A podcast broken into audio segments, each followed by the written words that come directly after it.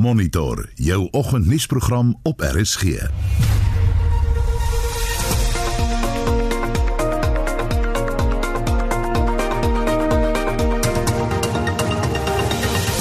In volgens se program politieke partye reageer op die president se strenger COVID-19 maatreëls. So we welcome these uh, additional measures that, uh, that have been put in place, but we want to emphasize the fact of South Africans acting responsibly. You know, it's a time all for one, one for all. Ons praat om 10 oor 7 breedvoerig met 'n ekonom, 'n toerismekenner en 'n politieke ontleder oor die nuwe maatreëls. En Brittanje se eerste minister waarsku dat Brexit dalk van die baan is. Ons praat na 08:30 met 'n kenner hieroor. Goeiemôre, ek is Gustaf Vreiling. En my naam is Anita Visser. Welkom by Monitor. So pas 10 minute oor 6 uur by Monitor op RSG en ons kyk nou vinnig na 'n oorsig van die koerant voorblaaie vir vandag Dinsdag die 15de Desember. En op die burger vanmôre Kersfees en Oujaar ingeperk. Nuwe COVID-19 maatreëls al die besonderhede daar in die berig op die burger vanoggend. Ook 'n berig wat sê geen maskers of gesonde afstand by diens en optrede en dit oor 'n kerkdiens in die Parel en 'n optrede deur die groep Good Luck by 'n Kaapstadse eetplek in die afgelope naweek wat onderskoot kom omdat mense na bewering sonder maskers was en nie 'n gesonde afstand daar gehandhaaf het nie. En dan ook 'n groot storie op die burger vanoggend in die foto daar Uh, dit is dan die moorde Stefan Smit se weduwee agter tralies, die weduwee van die Stellenbosse wynboer Stefan Smit wat op 2 Junie verlede jaar in sy huis op die Wynlandgoed uh, daar vermoor is, is nou agter tralies. Zorina Smit, 55, het gisteroggend kort voor 8 by die polisiekantoor daar in Stellenbosch aangemeld. Die voorblad van Beeld vandag dan al die besonderhede van die president se toespraak gisteraand en dit sê hier 'n feestyd in die feestyd hou die grootste bedreiging vir die gesondheid van die nasie en ook die heropbou van die ekonomie in. Het die president dan nou gisterand gesê en al die besonderhede oor drankverbruik, strande, die aandklokreël, die saamtrekker, die maskers, die brandpunte en die redes hoekom die uh, koronavirus infeksies toeneem en ons gaan net hierna verder in besonderhede daarna kyk oor wat die president alles dan nou gisterand gesê het. Volksblad se digitale voorblad ook uh, strande gesluit in Oos-Kaap en tuinroete en dan 'n berig wat sê boervrou op werf vermoor gevind. Punkie Biset, 'n boervrou van Smithfield, is gisteroggend buite haar huis by haar motor vermoor en die besonderhede daar op Volksblad vanmôre. Internasionaal op bbc.com Biden uh, nadat sy wen dan nou amptelik bekragtig is deur die kieskollege. Hy sê demokrasie het die einde van die dag gewen. En dan is daar ook berigte uh, op bbc.com vanoggend.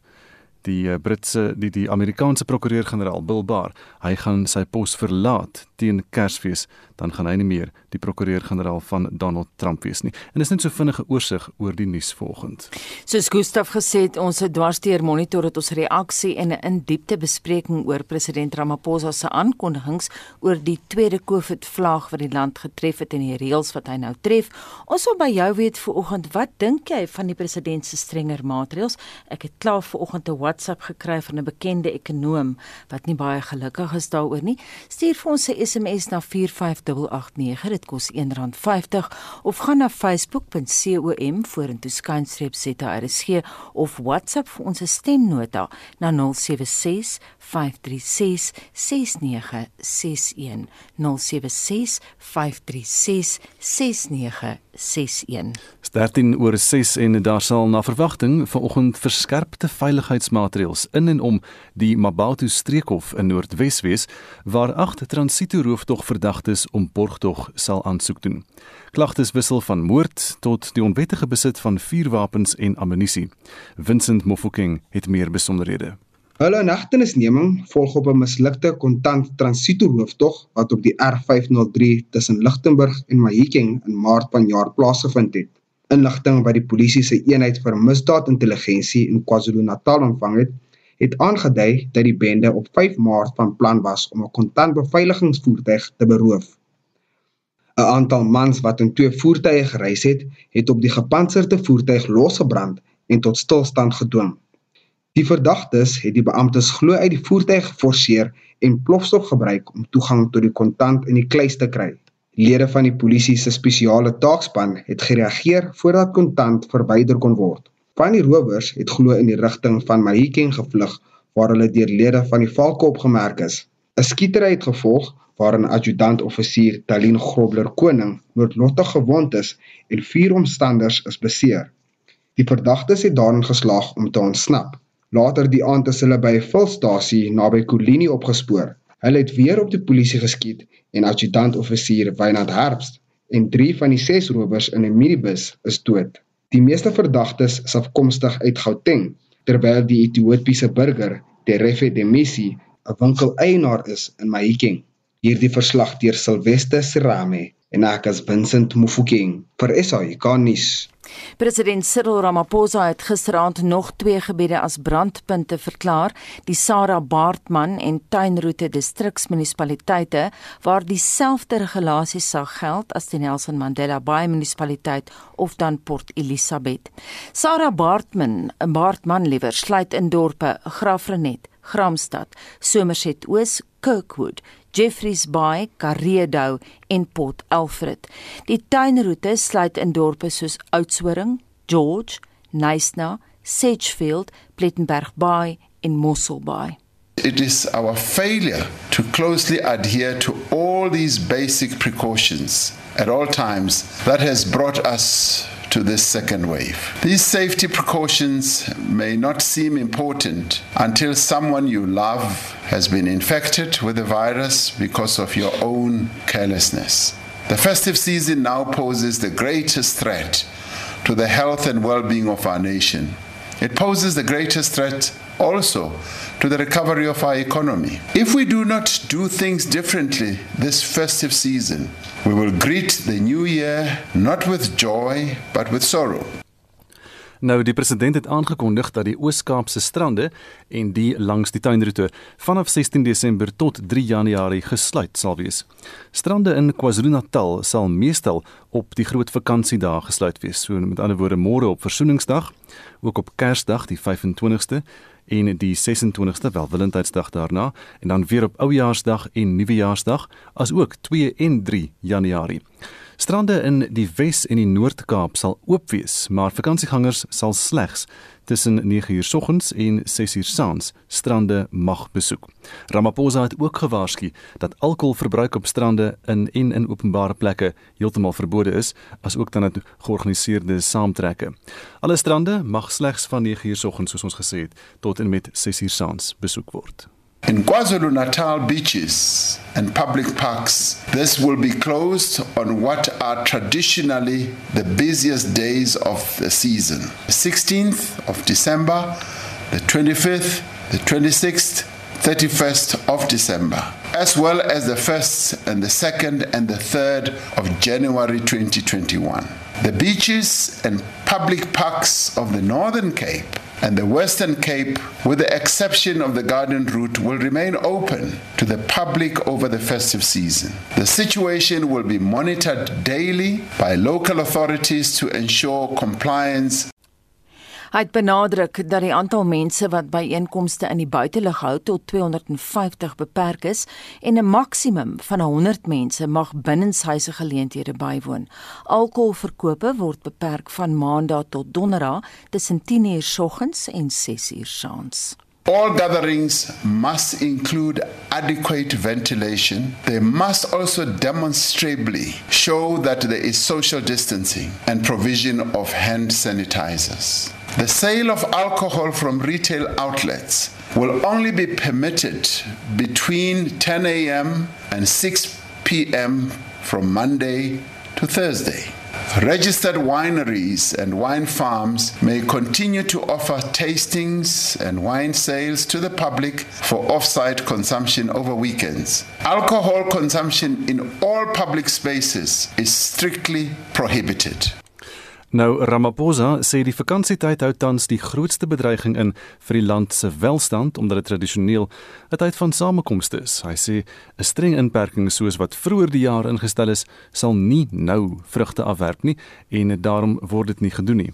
Hy sê dit is egter wel noodsaaklik om maatreëls te verskerp ten einde die verspreiding van die virus te beperk.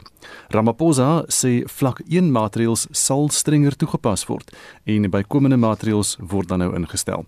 Dit sluit in dat die aandklokreël reeds vanaf 11:00 saans van krag sal wees, ook op ou Kersaand en oujaarsaand vanaf 11:00 en dat die nie noodsaaklike ondernemings soos kroë en restaurante reeds om 10:00 moet sluit. Werkgewers en bestuurders gaan voortaan direk aanspreeklik gehou word. An employer must ensure that all employees wear masks while they perform their duties. The responsible individuals who do not ensure compliance with the regulations by their passengers, customers, or employees will be liable to a fine or to imprisonment of up to six months. President Ramaphosa sê taxi-bestuurders en winkeleienaars se versuim om die dra van maskers af te dwing sal tot boetes van 6 maande tronkstraf lei. Hy het gisteraand in sy toespraak gesê die eienaars en bestuurders van alle openbare vervoer moet toesien dat passasiers ten alle tye maskers dra. Hy het ook gesê werkgewers, eienaars en bestuurders van winkelsentra en geboue van staatsinstellings is wetlik verplig om te verseker dat werkers en besoekers maskers dra. Hy sê die dra van maskers veilige sosiale afstande en gereelde hande was is die maklikste maniere om die verspreiding van die koronavirus te voorkom. Nou later in die program het ons reaksie van politieke partye en ons praat met 'n ekonom, 'n toerismekenner en 'n politieke ontleder oor al hierdie nuwe maatreëls.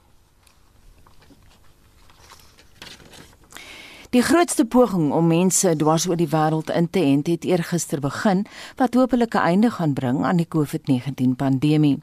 Die koronavirus het tot dusver die lewens van meer as 1.5 miljoen mense wêreldwyd geëis en ekonomieë verwoes. Maar een van die wêreld se vooraanstaande epidemioloë, Suid-Afrika se professor Salim Abdul Karim, sê COVID-19 het die mensdom ook op onverwagse maniere bevoordeel, Darren Tyler berig. Professor Karim sê die pandemie het 'n ontploffing van nuwe wetenskaplike kennis veroorsaak en meer as 100 000 akademiese studies is sedert Maart oor die koronavirus gepubliseer. Die hoof van Suid-Afrika se COVID-19 taakspan sê baie webwerwe het hulle betaalmure geskraap wat mense gratis toegang tot die nuutste wetenskaplike en mediese inligting gegee het. We're seeing enhanced collaboration across the world. We're seeing multidisciplinary research in ways that we haven't seen before.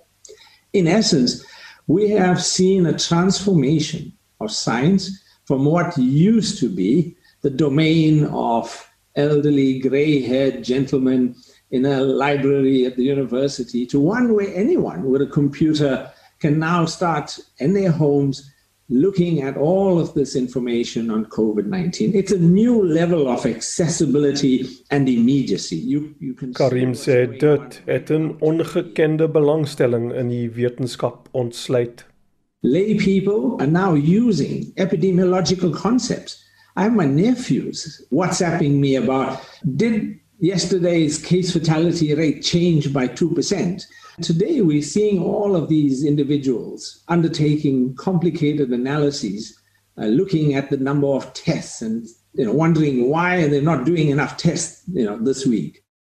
Die epidemioloog onthou dat Suid-Afrika sy eerste geval van COVID-19 op 5de Maart bevestig het.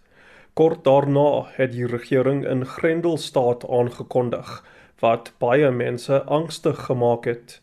Die drastiese aksie het baie lewens gespaar, glo Karim, maar ook groot ekonomiese verliese en baie pyn en lyding veroorsaak.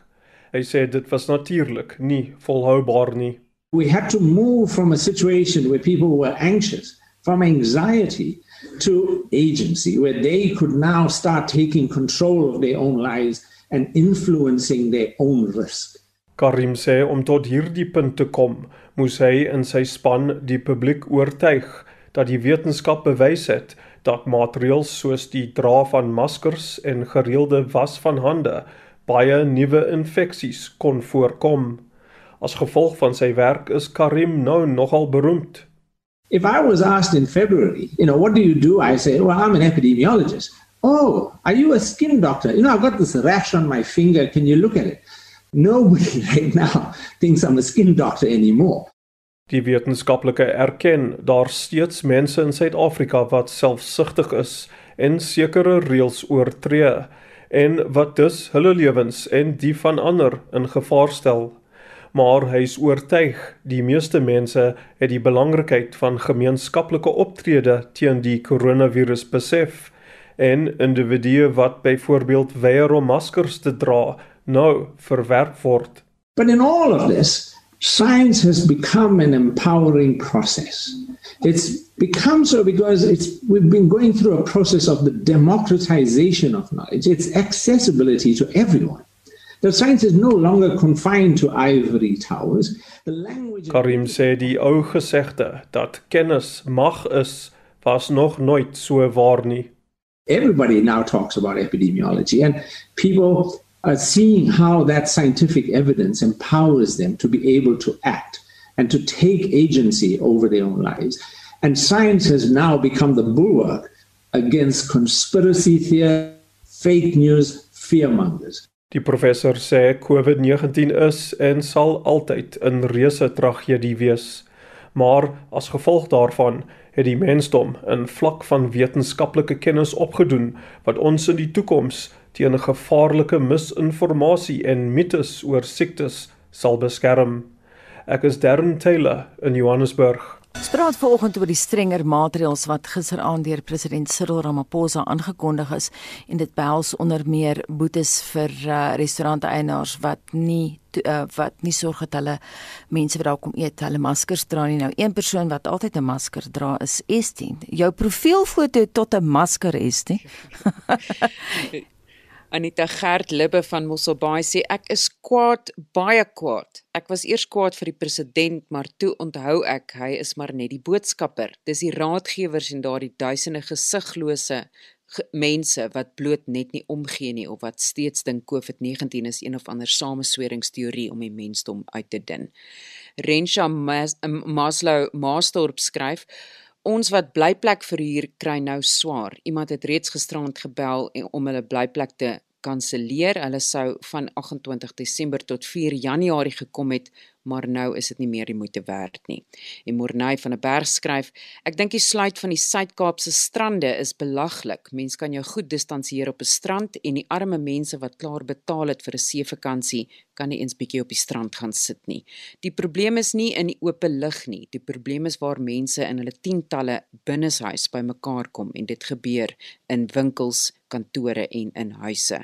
En Marita Botchet brand laat weet maatreëls moes strenger geword het. Ons Suid-Afrikaners het nie ore nie. Ons wil vandag by jou weet wat dink jy van president Cyril Ramaphosa se nuwe strenger inperkingsmaatreëls? Stuur vir ons 'n SMS na 45889. Onthou dit kos R1.50. Gesels saam op ons Facebookblad by facebook.com vorentoe skynstreep ZARSG of WhatsApp vir ons stemnota na 076 536 6961. Dis 25 voor 7 en uh, Shaun Jooste is nou gereed met volgens se sporthoogtepunte. Ons fokus vanoggend op van die jongste ranglyste en puntelere. Na die naweek se Curriebeeker aksie staan die Bulle nou op 33 punte. Die Haie is tweede op 28 en die WP derde op 26 punte. Cricket. Die top 3 spanne op die ICC se toetskampioenskappe punteleer is Australië, Indië en Nieu-Seeland met die Proteas sewende. Die Aussies, Nieu-Seeland en Indië is ook die top 3 op die ICR se jongste toetsranglys en Suid-Afrika is 6de.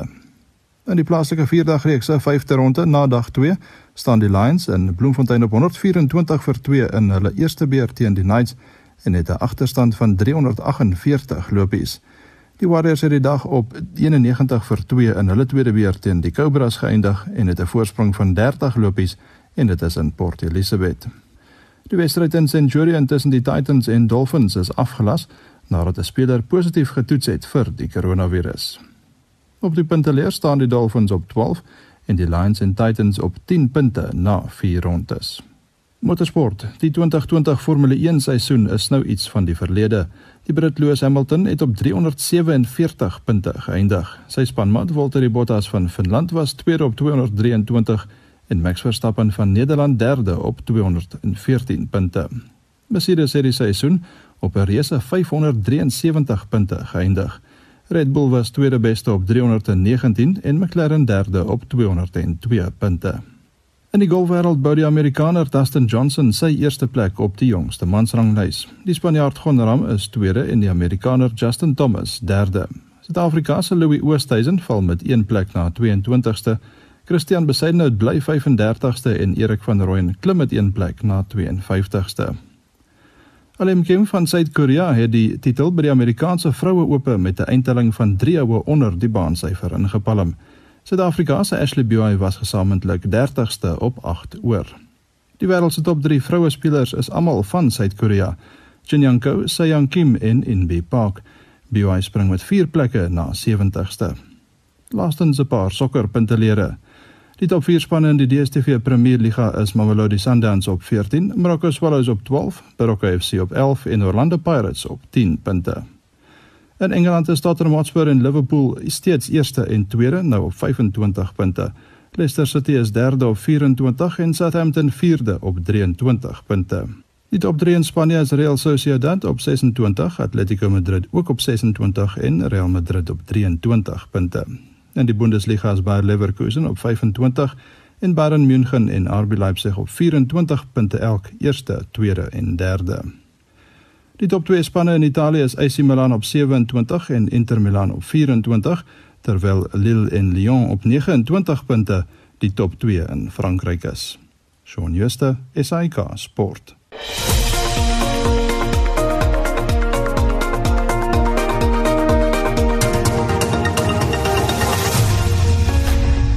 Pad na 20 minute voor 7 en Marokko is die jongste lid van die Arabiese Bond om betrekkinge met Israel te normaliseer.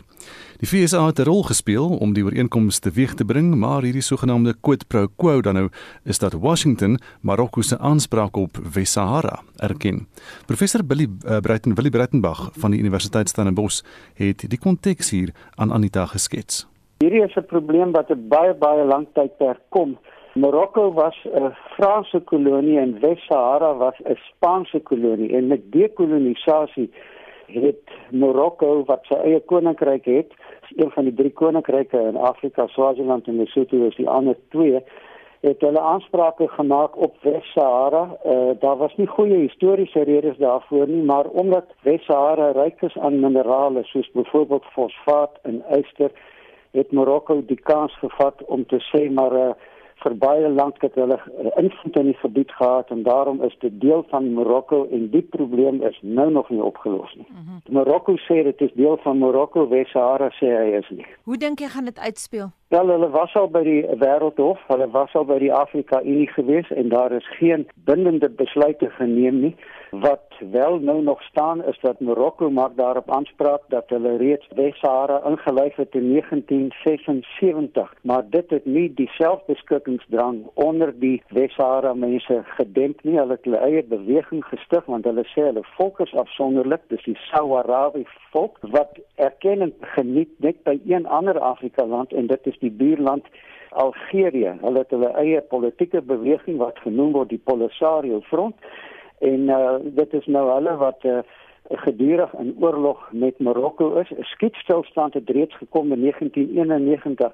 Dit is baie baie jare gelede, maar dit is 'n soort van 'n koue oorlog want daar word nog steeds geskiet alhoewel daar 'n skietstilstand is. Amerika het nou gesê dat Marokko, hulle is baie dankbaar dat Marokko een van die weinige Arabiese lande is wat ook Israel erken. En in die Trump administrasie gaan dit om Israel en dat Arabiese lande moet Israel as 'n onafhanklike entiteit erken en dit is wat Marokko ook nou gedoen het. Met ander woorde, daar word gesê vir die Wes-Sahara mense, julle het nie meer die internasionale steun wat julle dink julle het nie en hierdie probleem gaan nog steeds voort as 'n onopgeloste vraagstuk in hierdie eeu waarin ons lewe. Mens sal gedink dat die dekolonisasie probleme is nou al lankal iets van die verlede, maar nie so in Wes-Sahara nie. Daar is die dekolonisasie onafgehandel en dit het te maak met hierdie Wes-Sahara Afrika Republiek. Die stem daarvan 'n professor Willie Breitenberg van die Universiteit Stellenbosch en Anita het daardie onderhoud met hom gevoer. Nou ons bly by hierdie storie want professor Jolanda Spies, sy gee klas in internasionale studies aan Zayed Universiteit in die Verenigde Arabiese Emirate. En sy het gister aan Anita verduidelik dat hierdie sogenaamde diplomatieke deurbrake als op pragmatisme geskoei is. Die huidige golf van erkennings het begin met die United Arab Emirates, Verenigde Arabiese Emirate wat dit gedoen het in September vanjaar. Kort nadat hulle Israel erken het, is hulle gevolg deur Bahrein. Bahrein is ook een van die ryk Arabiese golfstate. Toe is daar sprake van verskeie ander Arabiese lande wat dieselfde sou doen. Daar was sprake daarvan dat Sudan dit sou doen en hulle oorweeg dit nog. Marokko het nou aangekondig dat hulle ook vrede sluit met Israel. Hierdie is 'n proses wat begin is deur die Verenigde Arabiese Emirate met die oog op langtermyn geopolitiek in die streek. In kort is Iran en Turkye groter bedreigings vir die Emirate as wat Israel is. En meer as dit, Israel is die mees geïndustrialiseerde ekonomie in die Midde-Ooste. Hulle tegnologie is onoorwonde in die wêreld. En die Emirate soos baie ander van die Arabiese Golfstate wat ryk geword het, baie vinnig ryk geword het uit olie uit, besef dat hulle een of ander tyd sonder olie gaan wees olie is nie 'n her, hernubare hulpbron nie. Dit gaan opraak en waar gaan hulle grafitas dan wees in hulle ekonomie? En hulle weet dat hulle moet bande normaliseer in die streek en dit begin by Israel sodat hulle kan baat vind by Israel se superieure tegnologie en dit het wapens in. Israel het die mees gesofistikeerde wapens in die Midde-Ooste En elke keer as een van hierdie vredesooreenkomste geteken word, kry daardie lande Israeliese wapens om hulle vyande mee te beveg. En dit sluit ander islamitiese state in soos Iran en Turkye en Qatar. Gaan hierdie huwelik op die lang termyn hou Jolande? Hierdie huwelik is nie 'n liefdeshuwelik nie. Dit is 'n praktiese ooreenkoms. Dit is soos 'n bondgenootskap. En soos enige ander sake transaksie sal hy hou presies so lank as wat dit in albei partye se belang is. En op hierdie stadium met die wêreld soos wat hy lyk, veral wat hierdie jaar gebeur het tydens die COVID pandemie, sien ek dat daar nogal op die langtermyn voordele is vir beide die Arabiese state en Israel om vrede te hê. Ek moet net byvoeg Verenigde Arabiese Emirate was nie die eerste Arabiese staat om vrede met Israel te maak nie. Die eerste Arabiese staat was Egipte. Hulle het dit al in 1979 gedoen. Maar daar was redes daarvoor. Daar was 'n islamitiese revolusie aan die gang in die Midde-Ooste en Egipte is baie geld beloof deur die FSA as hulle sou vrede maak met Israel. Die idee was om daai fundamentele Islam weg te hou uit daardie regerings. Die tweede Arabiese land was Jordanië en hulle het vrede gesluit met Israel in 1994. Die rede daarvoor is Jordanië is 'n piepklein landjie wat grense deel met Israel en hulle het dit gedoen om praktiese redes om seker te maak dat die Israelies hulle nie sou straf vir wat die Palestynë gedoen het nie. Maar die huidige golf van vrede sessies is begin deur die Verenigde Arabiese Emirate en dis omdat hierdie mense 'n langtermyn ekonomiese en sekuriteitsvisie het vir die streek. En wat sê die media daaroor? Is daar skielik positiewe dekking oor Israel? Israel het ehm um, soos 'n bom gebars in die Midde-Ooste uh, met hierdie huidige vlag. Daar is baie konservatiewe moslems wat mor daaroor. Hulle is bekommerd dat die Palestynë se soeke na 'n onafhanklike staat hierdeur teruggesit gaan word. Maar die realiteit is en hulle weet dit.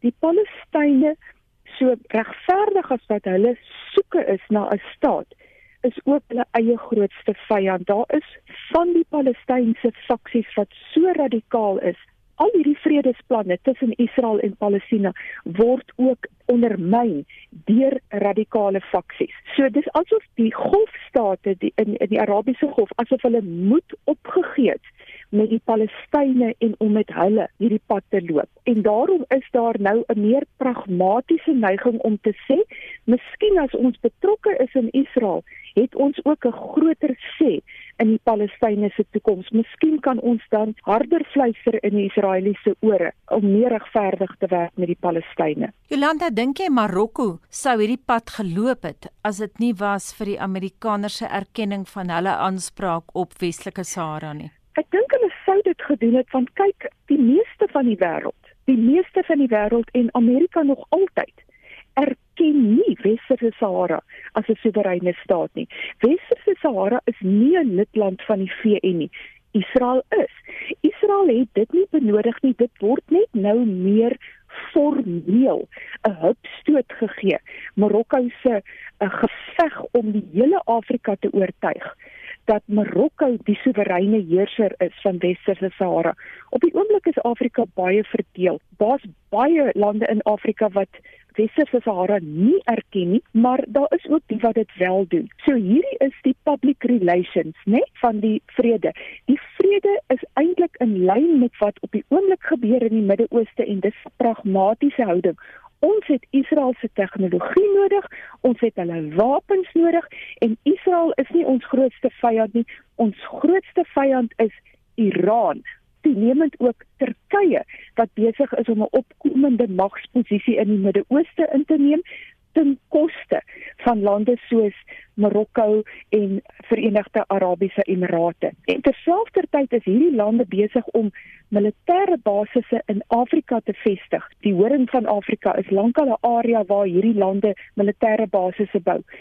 Turkye het dit gedoen. Verenigde Arabiese Emirate het dit gedoen selfs China het 'n militêre basis gebou en dit gaan alles oor daardie geopolitiek van die wyeer Midde-Ooste. Almal wil nou daar 'n plekkie hê van waar hulle die ander kan dophou. So hierdie is vir my waar ek gebaseer is in Abu Dhabi. Is hierdie vir my 'n fascinerende magspeletjie wat besig is om voor my oë te ontplooi. En ek kyk hoe slim die Israelies ook nou besig is om die Arabiese wêreld te verdeel. Jolanda net laasens, wat beteken dit alles vir Suid-Afrika? Anita, dit beteken Suid-Afrika moet verder strategies dink.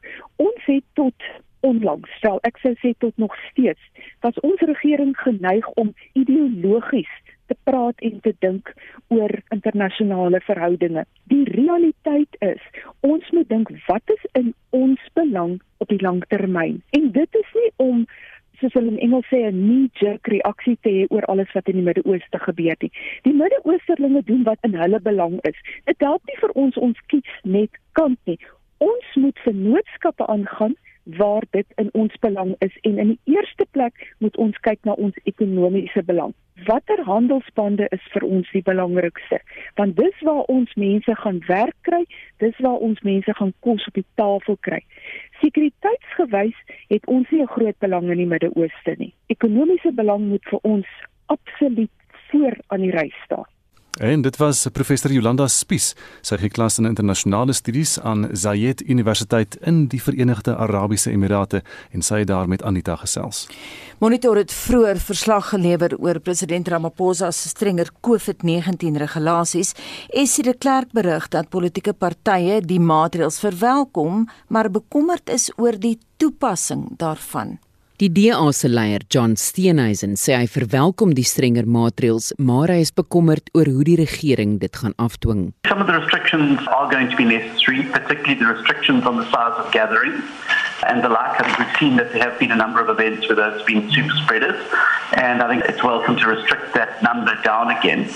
Some of the ones make very little sense from an enforcement perspective.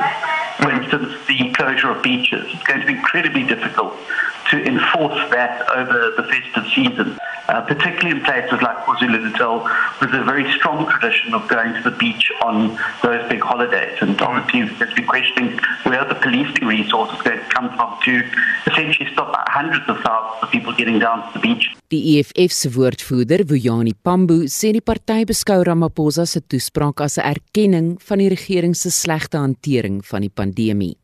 Pambo het gesê die regering het ook gefaal daarin om die harde inperking te gebruik om die land se gesondheidstelsel voldoende voor te berei.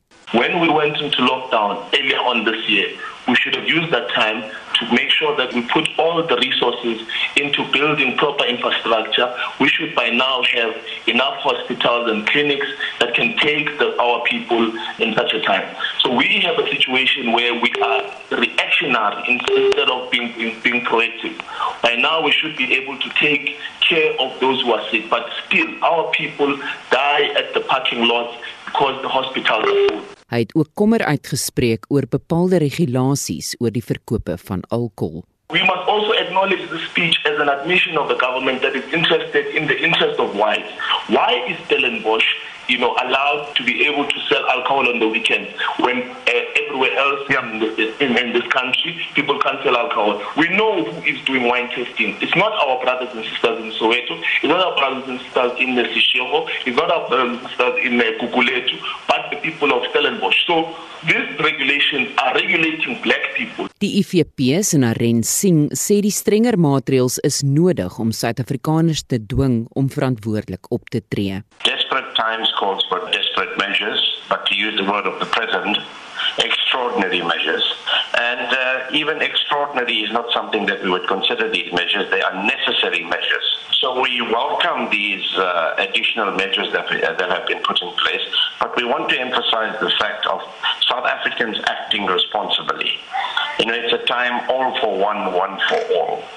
And, and if we do not act responsibly, then this is going to exacerbate to such an extent that it's, it's, going, it's going to be like what's happening in other parts of the world. Dit was die parlementêre lid van die IFP, Naren Singh.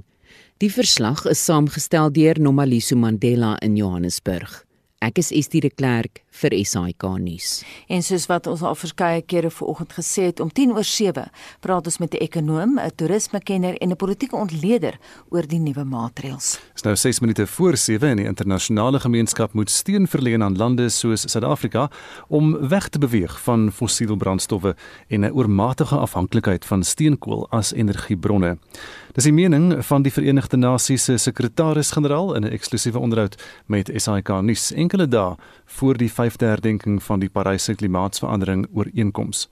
Antonio Guterres het weer gewaarsku dat 'n meerderheid lande eenvoudig nie hul Parys ooreenkoms verpligtinge nakom nie en dat die jaarlikse 100 miljard dollar wat nodig is om die groen klimaatfonds te vul 'n uh, wêreldwye prioriteit behoort te wees. Vincent Mufokeng berig. Guterres waarsku dat die planeet gebroke is, dat die mensdom 'n oorlog teen die natuur voer en dat die reaksie op COVID-19 en die herstel van die planeet twee kante van dieselfde munt moet wees. The Paris Agreement is not being implemented by the majority of the countries in the world. So we are going in the wrong direction and we see it in nature. Nature is striking back. I mean, temperatures are rising, the ocean temperature also rising. We see the Arctic melting. Uh, we see um, floods, hurricanes worse than ever. Uh, we see drought, uh, and the African continent has been the victim of both floods, uh, drought, uh, hurricanes. I mean, uh, nature is striking back. We are in the wrong direction.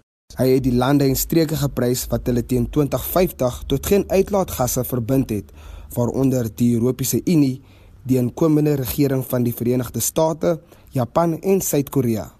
China en Brasilia het hulle teen 2060 tot geen uitlaatgasse verbind. What is defined in Paris is that we should have a common responsibility, but a differentiated responsibility according to the characteristics of each country. So it's, uh, I cannot ask South Africa to do the same as my own country, Portugal, that hopefully will close all coal power plants uh, in 2021 or 2022.